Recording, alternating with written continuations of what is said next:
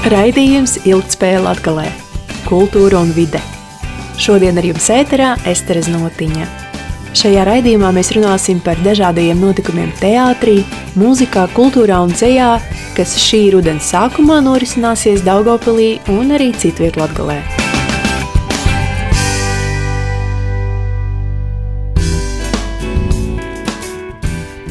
Jauniešu festivāla Artišoks 2022 iedvesma un līdzdalība ietveros Daugopils Marka Rotko mākslas centrā 2. septembrī 2001 aicinām baudīt laikmetīgās dēļas performances poki.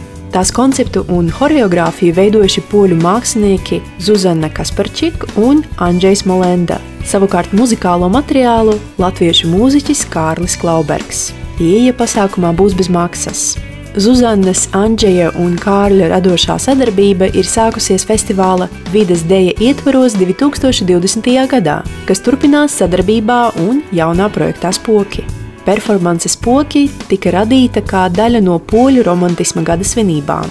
Tā ir poļu dzinieka Adama Mitskeviča poetiskās drāmas Džadi interpretācija laikmatīgajā dejā. Drāmas nosaukums attiecas uz ģadi, seniem slāvu un lietuviešu svētkiem, kuros piemin mirušos priekštečus. Ģadi nakts rituālā cilvēku kopiena piesauca mirušos garus, lai klausītos viņu lūgumos, palīdzētu tiem, kas bija labi, un tiesātu tos, kuri bija slikti.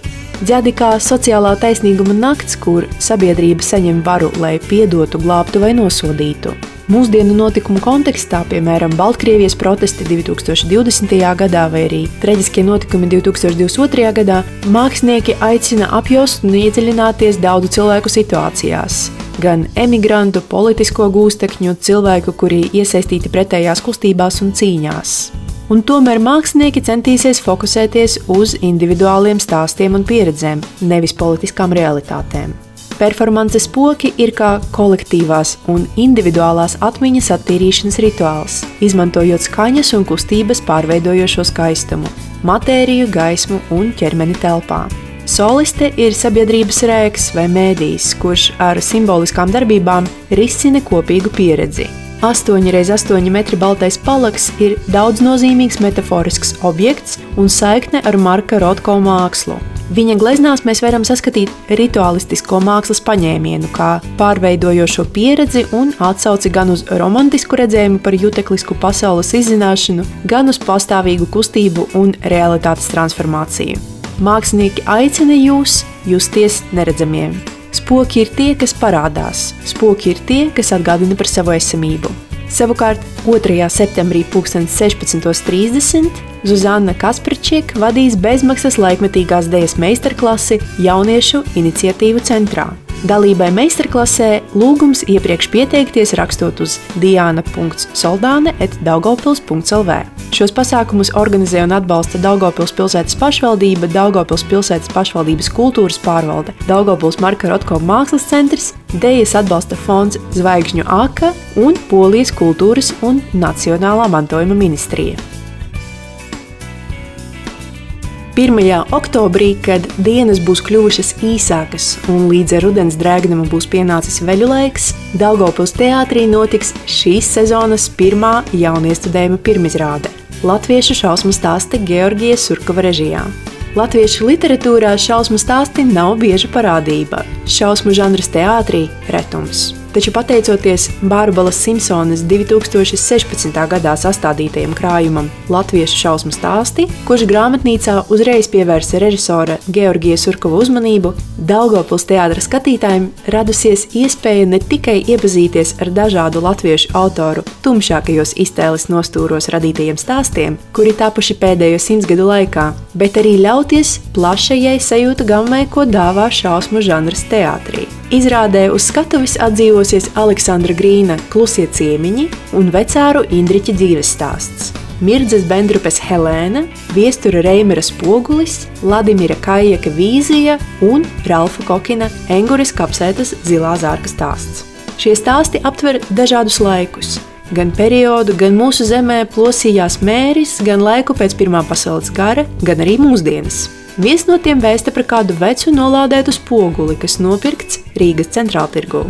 Cits par raganām zemgales lielkunga zemēs.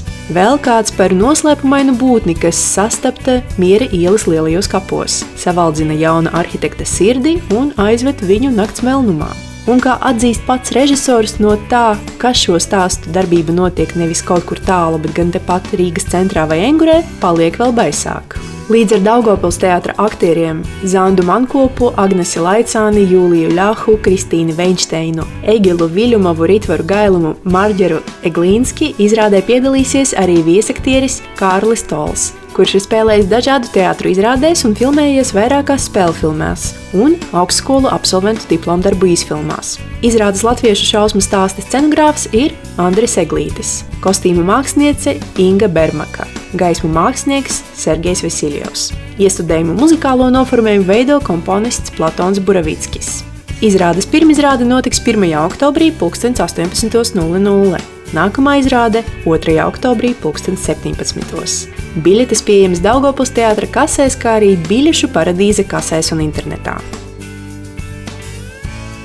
Vienības nama tradīciju mājā, kas atrodas Rīgas ielā 22a Daugopilī, ieeja no Saules ielas puses. 2. septembrī 12.30 tiks atklāta Viktora Kuhaļska personāla izstāde Dabas krāsas klūgās. Viktors Kuhaļskis ir unikāls savā meta lietpratējs, kurš jau gandrīz pusgadsimtu savu klūgu pīšanas arodu attīsta, pilnveido un nodod citiem.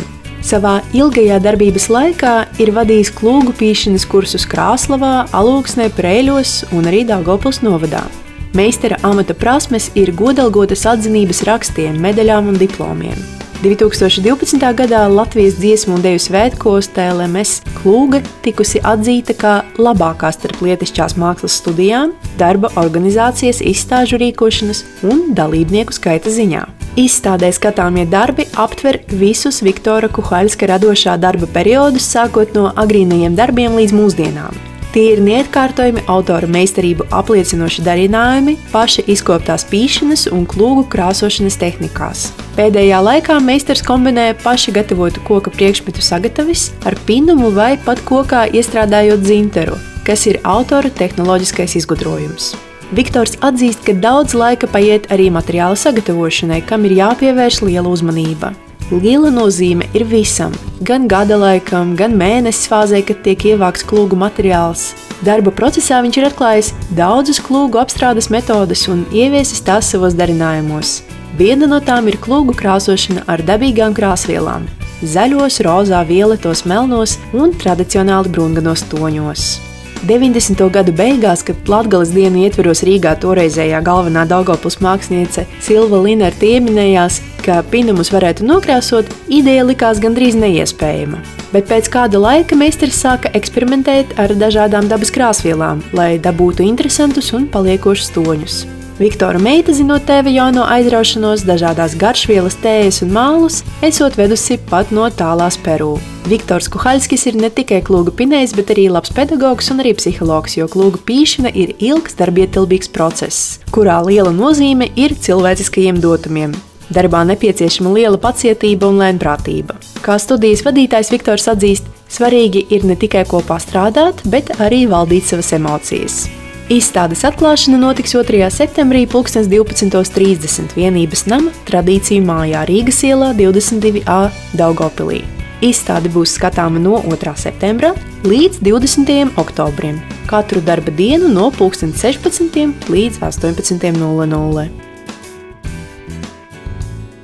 No 6. līdz 23. septembrim Daugopilī norisināsies dzējas dienas, kas ik gadu tiek rīkotas atzīmējot latviešu dzinieku Rāņa dzimšanas dienu.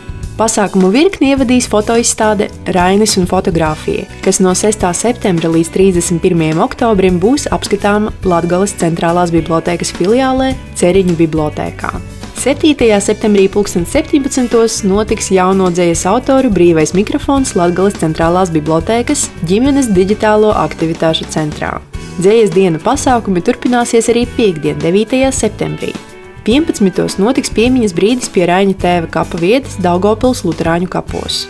12.30 Latvijas centrālās bibliotēkas ģimenes digitālo aktivitāšu centrā interesanti tiek aicināti uz literāru tikšanos ar dzēnieci un ilustrātori Loti Vilmu Vītiņu. Savukārt 16. LCB ģimenes digitālo aktivitāšu centrā notiks ikgadējā krājuma dzējas dienas atklāšana. Pasākuma laikā būs iespēja tikties un iepazīties ar krājuma dalībniekiem, dzirdēt viņu dzējas lasījumus, kā arī saņemt jauno dzējas krājumu. Šogad krājums Dzējas dienas 2022 tiek izdots 32. reizi, un tajā ir apkopoti Daugopils pilsētas un Augstdogavas novada 25 autoru darbi. Dienas noslēgumā 19. pie Daugopils dzelzceļa stacijas noritēs biedrības Tukuma literātu apvienība, organizētā dzējas dienu akcija Sirds uz perona.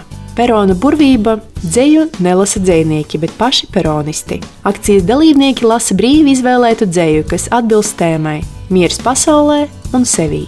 Raņa dzimšanas diena 11. septembrī 2012. notiks ziedu nolikšana pie Raņa pieminekļa Daugavpils Universitātes skvērā. 10., 17. un 23. septembrī Latvijas centrālās bibliotēkas filiālēs notiks tikšanās un literāri pasākumi ar vietējiem dziniekiem. Raidījums Ilgspēja Latvijā, Kultūra un vide. Šodien ar jums ēterā bija Esteres Notiņa. Raidījums tapis ar Sabiedrības integrācijas fonda atbalstu.